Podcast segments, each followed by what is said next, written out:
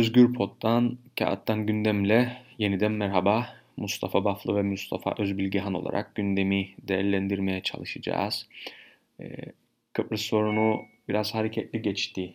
Ee, biraz değil aslında. Bayağı hareketli geçti bu hafta. Önce İngiltere'den Dışişleri e, Bakanı geldi. Ardından e, Türkiye Cumhurbaşkanı Yardımcısı Fuat Oktay e, Kıbrıs'ın kuzeyine geldi ve görüşmeler gerçekleştirdi her iki isimde. E, önce şunu sormak istiyorum. Hani e, İngiliz, İngiliz Dışişleri Bakanı Reb'in getirdiği bir öneri var masada. Aslında bu yeni bir şey değildi. E, Fuat Oktay aslında bilindik e, şeyleri o da söyledi. Aslında son zamanların e, ezberini tekrarlattı bu iki devlet e, konusunu. E, bu söylemler bizi nereye götürecek? E, bu söylemler Kıbrıs sorununa katkı sağlar mı? E, yoksa sadece e, bu 5 artı 1 e, konferans öncesinde sert mesaj olarak mı değerlendirilebilir bunlar? Yoksa e, hani sadece e, bir göz kırpma mı? E, yorumlarla başlayalım. Bir e, öncelikle dikkat çekilmesi gereken meselelerden bir tanesi. İngiltere'nin bu süreçte artık biraz aktif bir rol aldığını görebiliriz. Yani önceki süreçlerde de İngiltere destekler pozisyondayken e, şu an Rob'ın e, gelmesi adaya ve bir öneriyle elinde bir e, kağıtla ortaya çıkması aslında İngiltere'nin biraz da ipleri eline yani iplerin bir kısmını olsun eline alma istediğine dair bir göstergedir sanırım. Çünkü e, yani dikkat çekilmesi gereken bir husustur bu da. E, tabii bunda Brexit'in ve Brexit'ten sonra Avrupa Birliği ile aslında bir girilen mücadelenin de e, sonucu olabilir adada e, tabii kartların yeniden dağıtılacağı noktada bir garantör devlet olarak da bir çözümün imzacısı olarak da e, İngiltere'nin e, Birleşik Krallık Devleti'nin bir e, daha iyi bir söz hakkı, daha fazla etkinliği olması işlerine gelecektir. E, yapılan plan ya da işte basına yansıyan e, plan aslında Crans Montana'da bırakılan yerin çok uzağında bir şey değil. Yani Transmontana'da görüşülenlerin gelinen son noktayla 3 e, aşağı 5 yukarı zaten yani anlaşılamayan noktalarda mesela işte %28.2 mi %29.2 mi toprak ki bilin e, Transmontana'da da son noktada burada kopmuştu mesela. E, kopan meselelerden biriydi.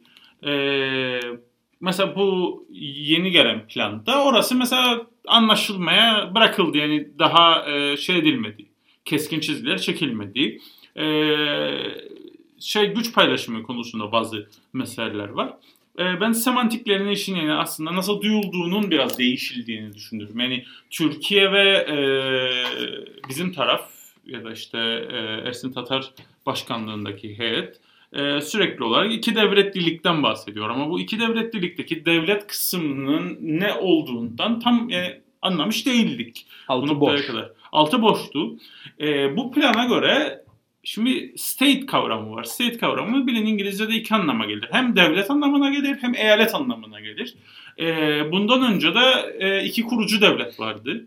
E, bizim literatürümüzde devlet ama state olarak geçer din İngilizce. İki eyaletli bir ortak federal devlet aslında yani işte Amerika Birleşik Devletleri nasıl 50 eyaletten kurulan bir federal devletse e, burada yeni kurulacak devletin iki eyaletli bir devlet olduğunu da söylemek mümkün olurdu. Şimdi gelen mesele de community state yani e, ulus, millet, toplum devleti e, olarak adlandırıldı son gelen kağıtta ve e, aslında gerçekte belki hiçbir farklılık olmasa da biraz anlamlarda farklılık olmaya başladı. İngiltere de kendi örneğini verdi biraz. Yani İngiltere, İskoçya ve Galler farklı farklı üç ayrı ulus olarak görülür ama ortak bir devlet çatısı altında. Bu da işte Birleşik Krallık Devleti. Bu devlet çatısı altında e, var olduğunu söyler. Tabii bunu iki devletli çözüm olarak da anlatmak aslında mümkün olabilir ama en nihayetinde bir federasyon söz konusudur. Yani e, iki ayrı devletçiğin e, eyaletin ya da devletin e, birlikte yapacağı bir federasyon, tek bir ortak devlet, tek bir Birleşmiş Milletler üyeliği E, o nedenle yani bir taraftan iki devletlilik üzerinde sürekli vurgu yapılırken ama aslında işte egemen eşitlik üstüne bir vurgu yapılırken aslında bu söyleyenlerin hepsinin e, Montana'da bırakılan yerin çok da uzağında olmadığını ve aynı yerde bağlanabileceğini gördük. E, İngiltere'de biraz e, buna yakın bir e, planla geldi adaya.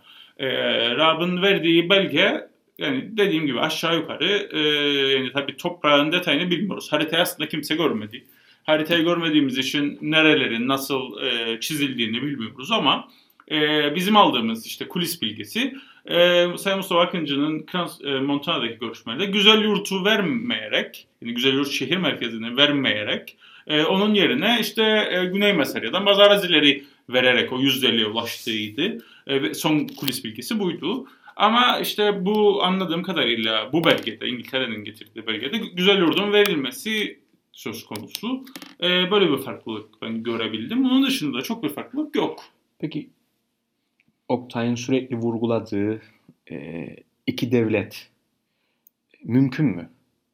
Şimdi iki devletin işte ne anladıklarını anlamıyoruz. Yani, yani iki, iki ayrı e, yani, Birleşmiş Milletler üyesi, iki ayrı bağımsız devlet Kuzey Kıbrıs Türk Cumhuriyeti'nin tanınması e, e, olduğu bir e, iki devletten ta, işte tanınacak, işte uluslararası e, hukukun içinde yer alacak, işte uluslararası aktivitelerde bulunacak bildiğimiz bir devlet.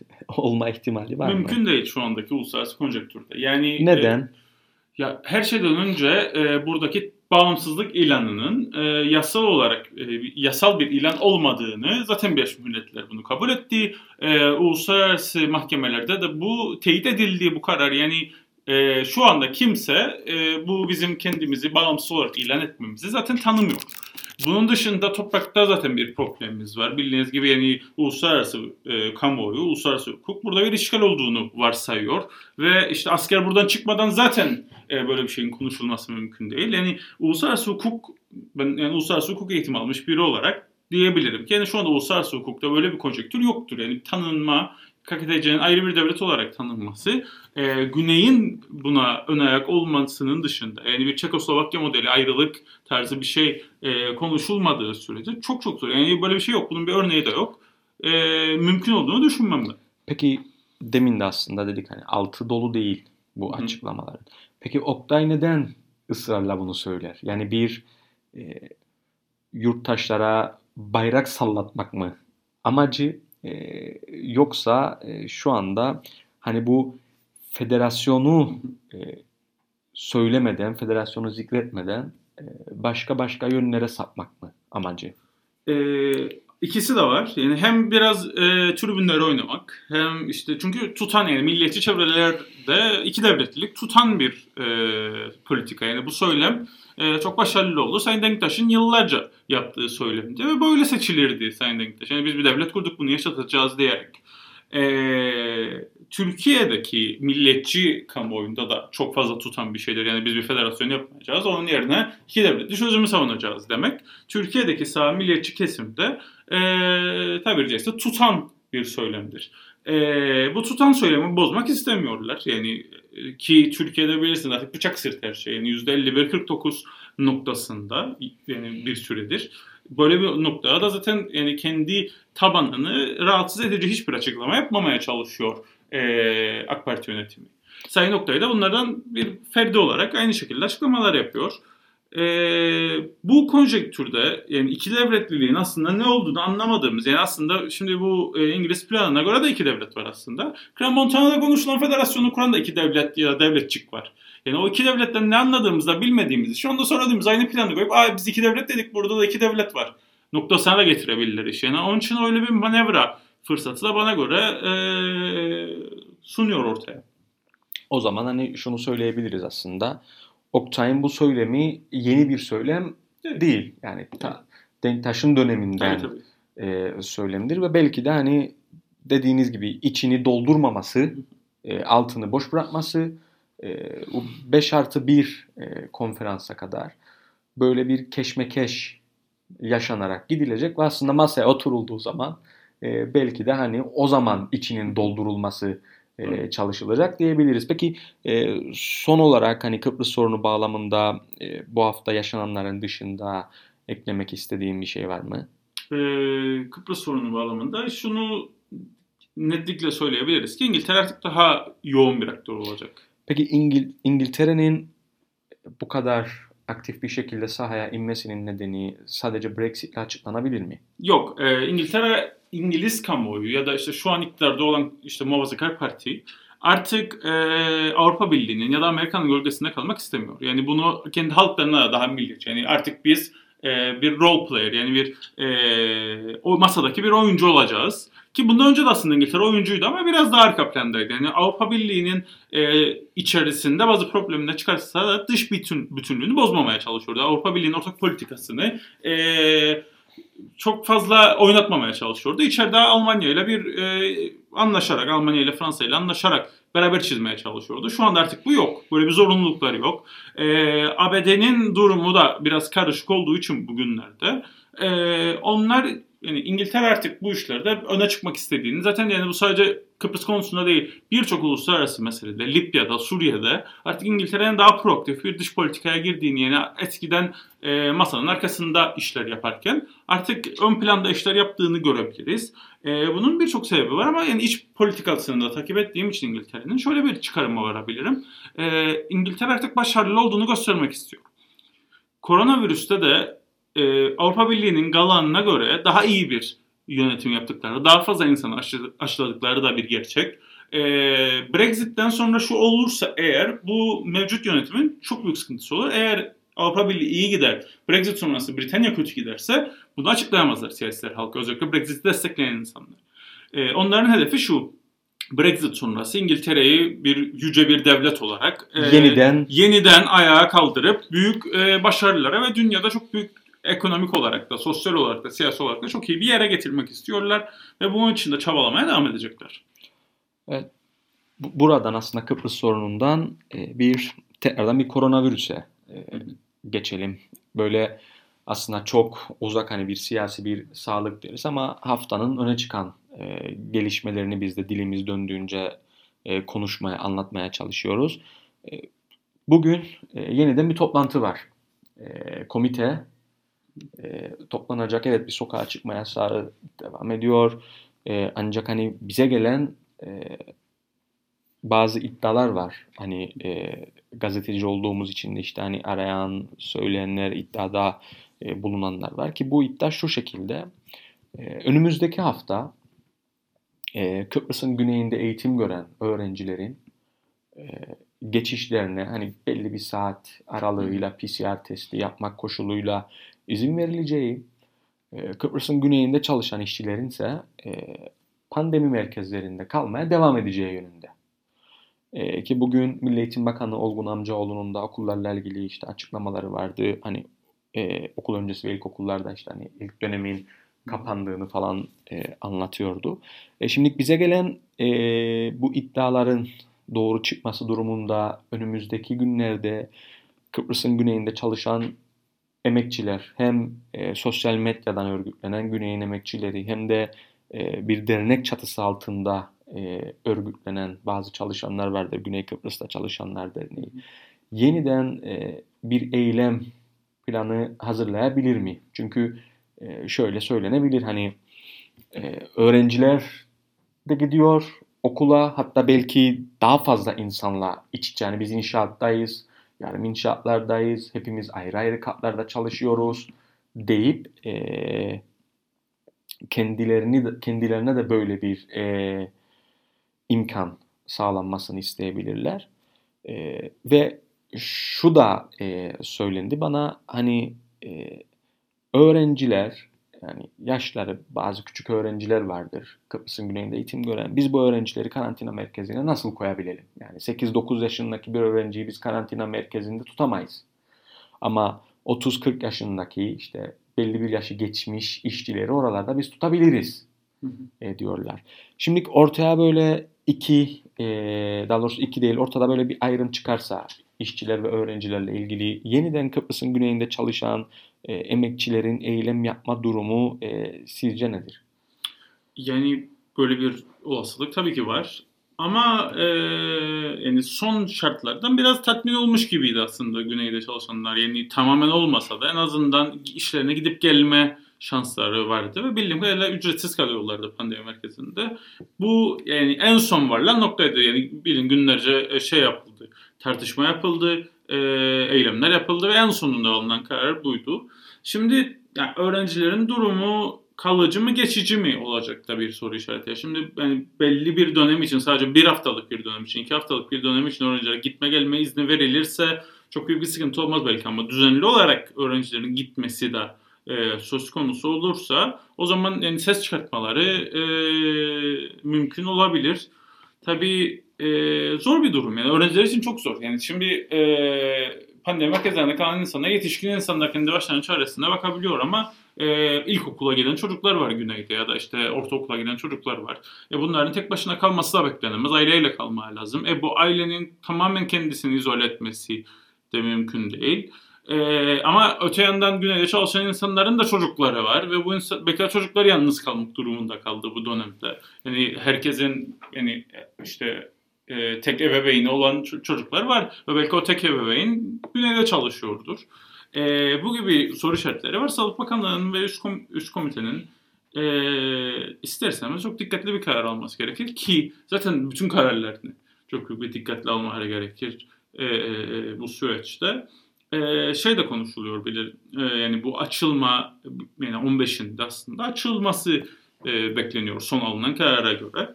E, kapanma uzayacak mı uzamayacak mı? Yani bugünkü belki de en önemli karar bu olacak.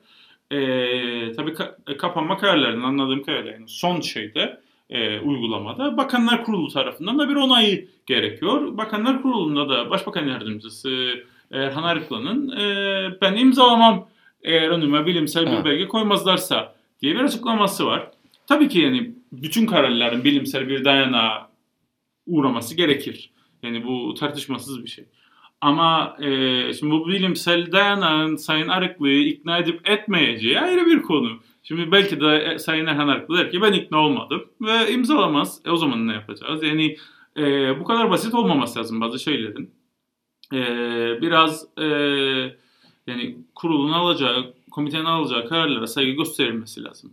Komitenin de ona göre kararlar alması lazım. Yani kendileri bu işin, yani geçen bölümde söyledik, geçen hafta söyledik. Yani biz burada artık yani bu kararları alabiliyoruz kendi başımıza ve en doğrusunu yapacağızı aktarmalar lazım.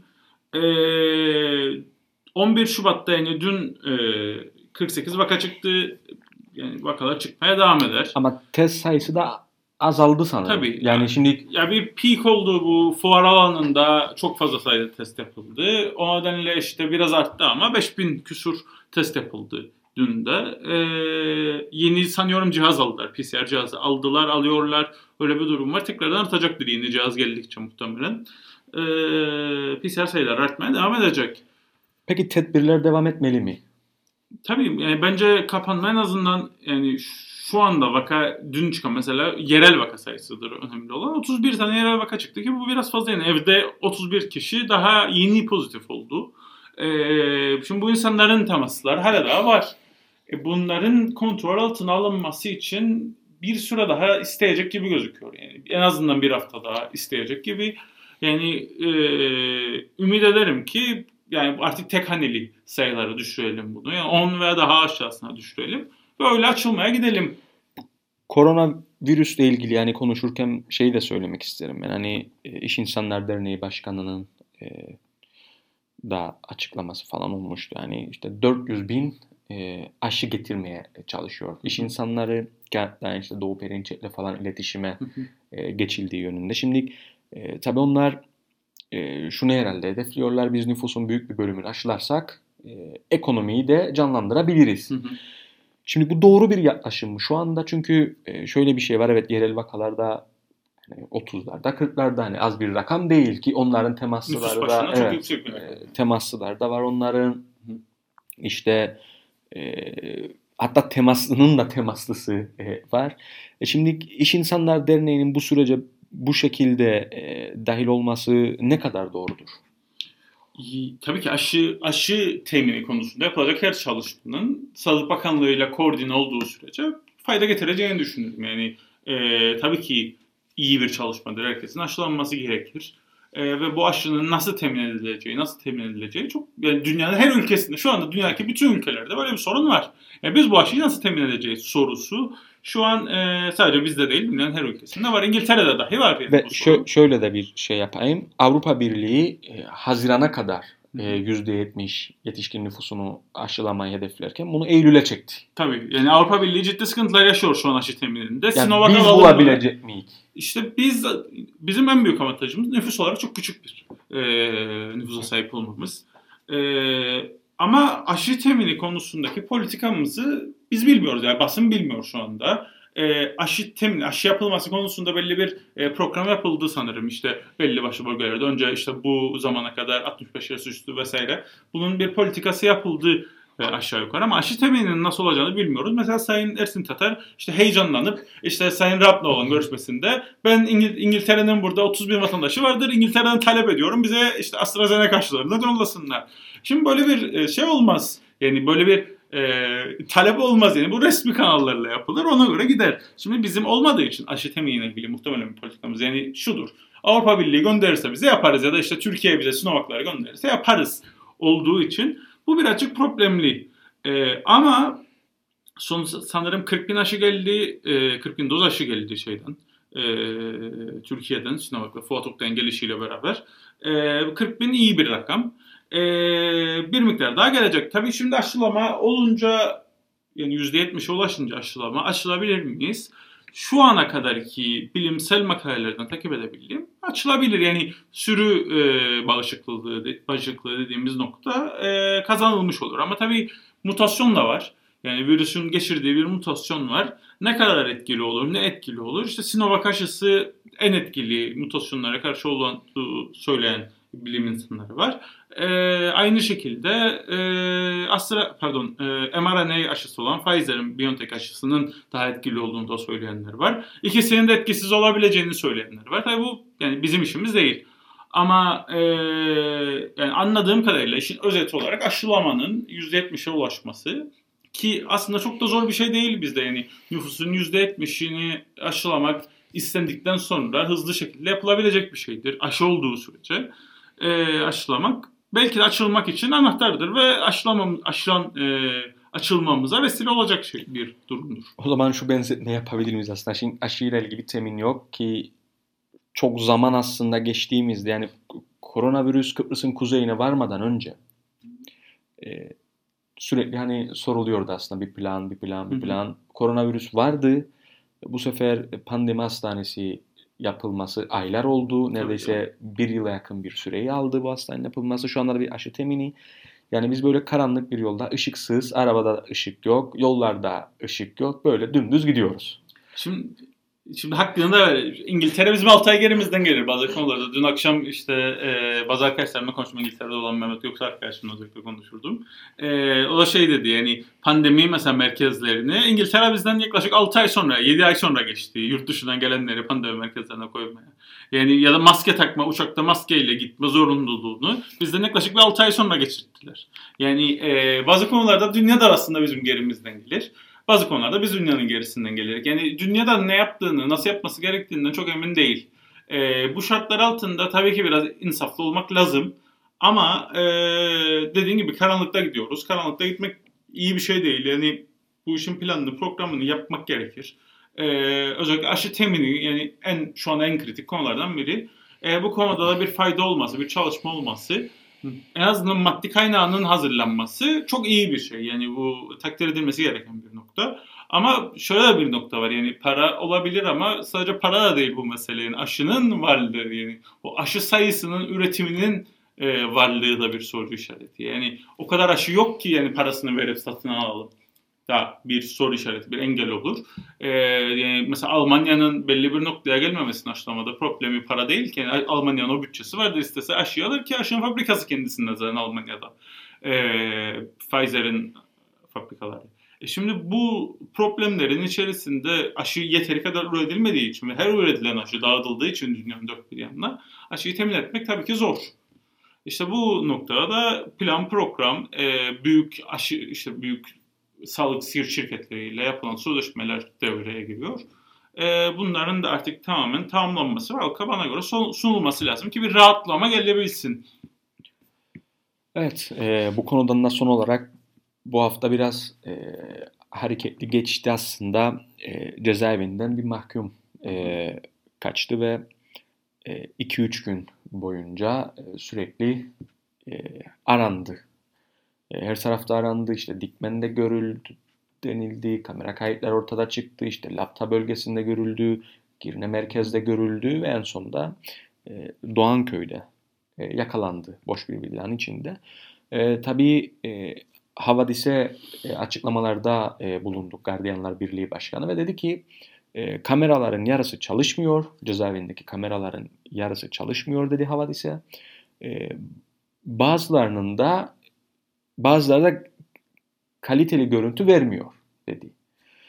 E, yani mesela logar kapağına gizlendiği çok konuşuluyor e, Firareden mahkumun. Ancak onunla ilgili bir görüntü elimizde yok. E, dedi ki bu da muhtemelen hani işte çalışmayan kameraların ya da kalitesiz görüntü veren e, kameraların etkisinden olması. Şimdi e, şurada evet e, mahkum kaçtı, yakalandı daha sonra ama burada esas olarak bir güvenlik zafiyetini e, yorumlamanı isteyeceğim. Bir de e, şöyle bir durum var. Mahkum yakalandıktan sonra sosyal medyada özellikle bazı görüntüler yayınlandı.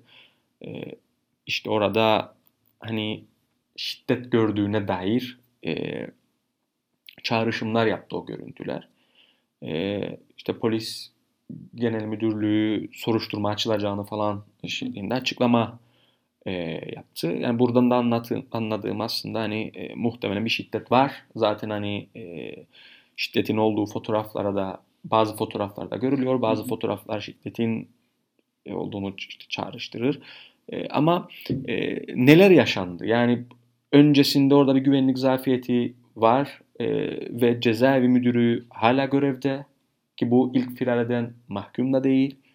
E, daha sonra polisten gelen bir şiddet de var.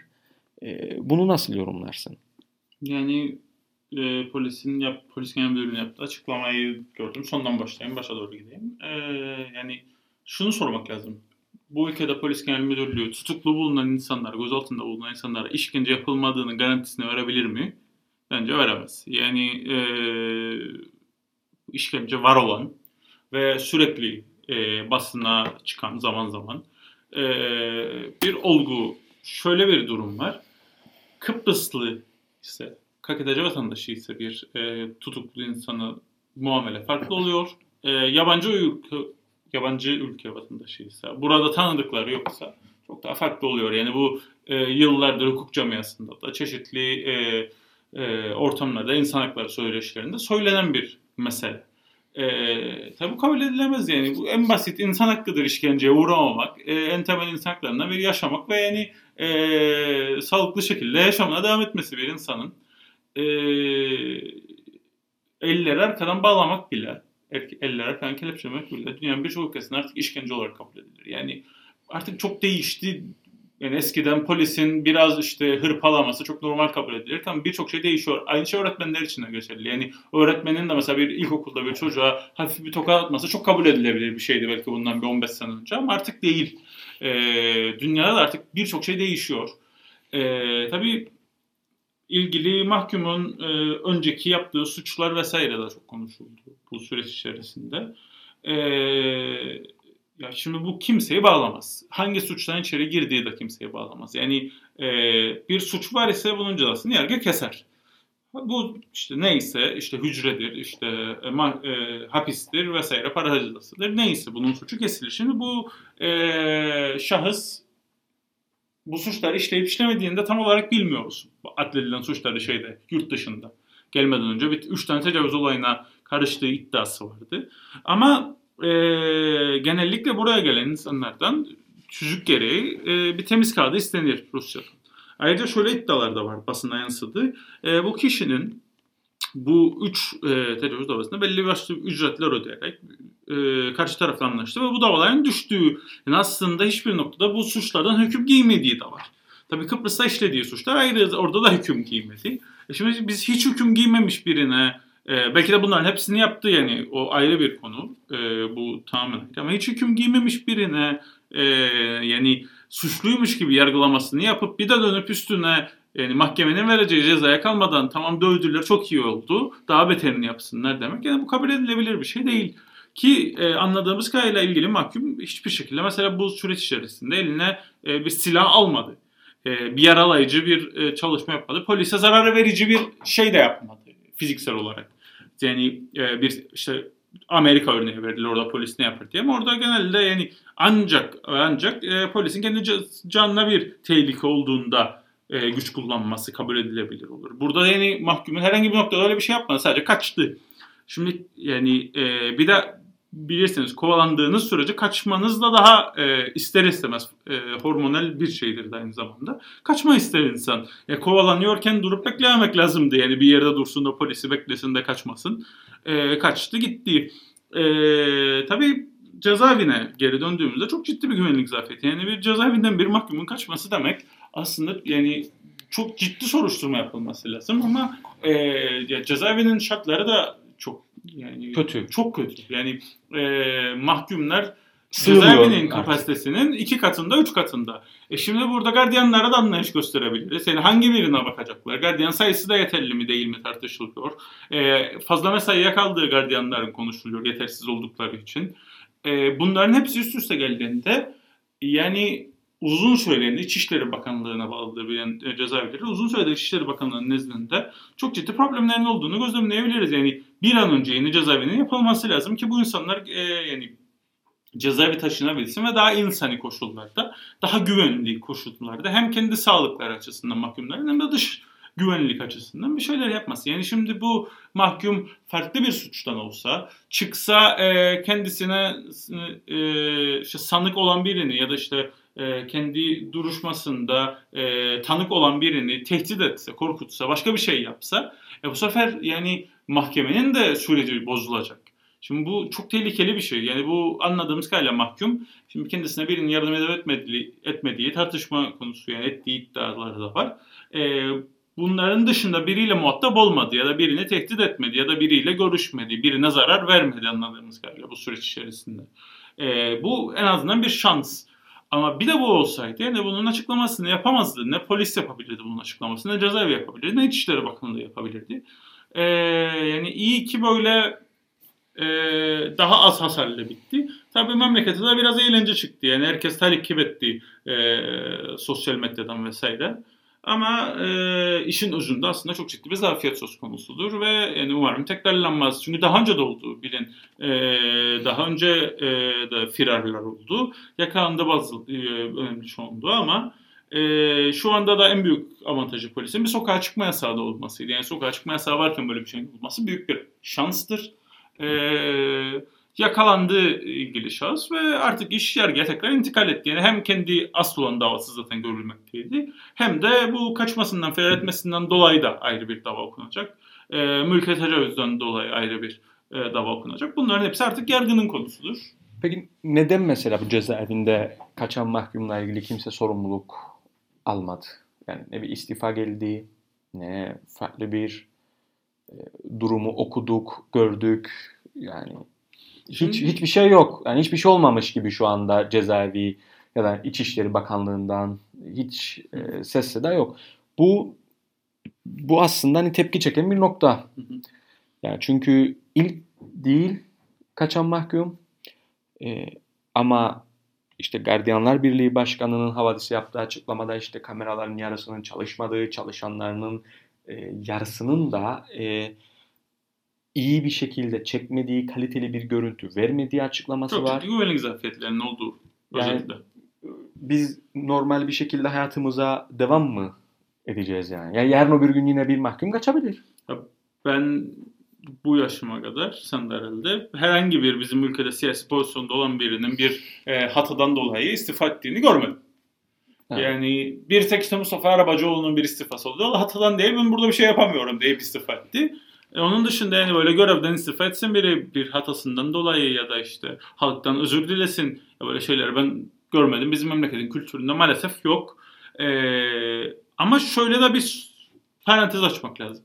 Eğer işte Merkezi Cezaevinin e, müdürü e, bu zafiyetleri üstlerine bildiriyorsa, burada böyle zafiyetleri var, kameralarımız çalışmıyor, o çalışmıyor, bu çalışmıyor. Çok fazla insan var ki herkes biliyor çok fazla insan olduğunu ve bu konuda şikayet ediyorlar. Haklarını vermek lazım bu konuda. Güvenlik zafiyetleri ayrı. E, ve hiçbir şey yapılmıyorsa, hiçbir düzenleme yapılmıyorsa e, burada da kabahati şeyde aramamak lazım aslında. Or- oranın sorumlusunu da aramamak lazım. Ama tabii olayın iç yüzünü bilmiyoruz. Yani bu kameralar çalışmıyor olabilir. E, siz bunu bildirdiniz mi? Bildirdiyseniz bildirdiğiniz insan sorumlu. Bildirmediyseniz siz sorumlusunuz. E, bu kameraları kim değiştirmedi o zaman? E, neden değişmiyor? Yani çok basit bir şey. Kameraların yani çok da maliyet yok ya. Yani bütün işletmelerde her yerde olan şeylerden bahsederek kameraların artık yani e, teknoloji de ilerledi. Çok uygun fiyata, çok yüksek çözünürlüklü kameralar bütün okullarımızda var artık. Yani cezaevine mi koyamayacağız? Bu da özensizliği gösteriyor tabii, aslında. Tabii Yani ama işte sadece şey de değil. E sadece bu güvenlik zafiyeti bu kameraların olmamasından ya da binadaki eksikliklerden vesaire de kaynaklanmıyor. Çok kalabalık olduğu sürece e, cezaevi e, kontrollü ister istemez çok zor olur. Yani e, nerede 5 insandan sorumlu olsun iki kişi, nerede 15 insandan sorumlu olsun iki kişi. Yani O zaman bir, bir an önce yeni cezaevine geçilmesi gerekir. Tabii, tabii, Ona yani- göre personel istihdamı yapılması Hı. gerekir. E, ona göre artık yasal mevzuat neyse de tamamlanması gerekir ki bunların azından mutlaka yine yaşanacak bir mahkum mutlaka firar edecek yeni cezaevinde de ama daha seyrek Evet. Olacak. Bir de herhalde. cezaevindeki şartlar ne kadar kötüyse e, insanlar feryat etme istiyor o kadar artar.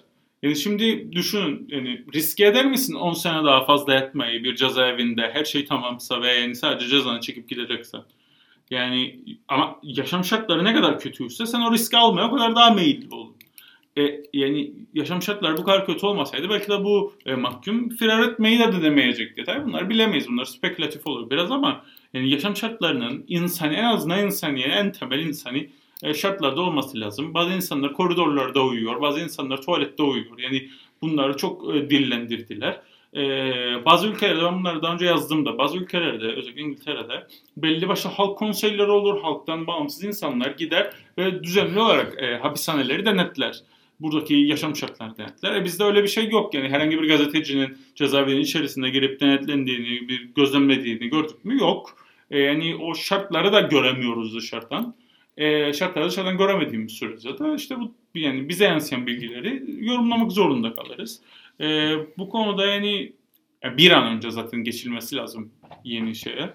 E, cezaevine ama yeni cezaevinden geçilene kadar da eski cezaevinin güvenlik önlemlerinde tabii ki arttırılması gerekir. Evet, son kısacık bir de şey değinelim. E, asgari ücret Hürüş tarafından yargıya taşınacağı açıklandı.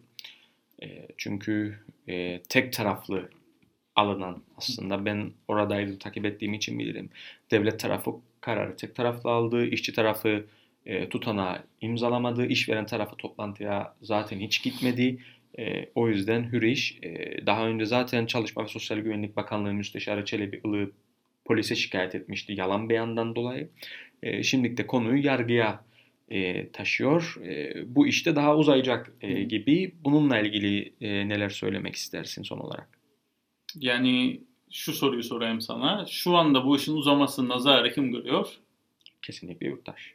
Yurttaş, işçiler, halk. Ha. Ee, ve görmeye devam edecek. Şimdi bu yargıya uzadıysa bu süreç uzayacak. Yani bir ara emri alınması söz konusu olacak muhtemelen. Daha uzayacak bu işler. Belki de haftalarca, aylarca görüşülecek davada. Tabii bu arada belki de anlaşılacak, dava geri çekilecek ama e, bütün bu sürecin uzaması e, asgari ücretle çalışan emekçinin haklarına birebir zarar veriyor. Yani umarım en kısa sürede çözülür. Yani e, tabii artık bundan sonra yargı süreci devam edecek. Geçen hafta biraz yormadık ama e, neyin nasıl olacağını e, benim tahminim bu dava sonuçlanmadan zaten bir anlaşmaya varılacaktır. Ama işte o süre geçene kadar da en yeni aslında şeyin devletin verdiği asgari ücret artışı dahi olsa en azından işçiye bir fayda olacaktır. Şu anda hiçbir olmuyor. Eski asgari ücret devam ediyor. E, bu da dediğim gibi zararı işçiye veriyor. Evet biz kağıttan gündemle yine birlikte olduk. Bir şeyler anlatmaya çalıştık. Ee, bir şeyleri konuşmaya çalıştık. Mustafa Özbilgihan'la birlikte Özgür Pot'ta e, yer alan kağıttan e, gündemde sizlerle birlikte olduk. Yeniden görüşmek üzere. Bizi dinlediğiniz için teşekkür ederiz. Haftaya tekrar görüşmek dileğiyle.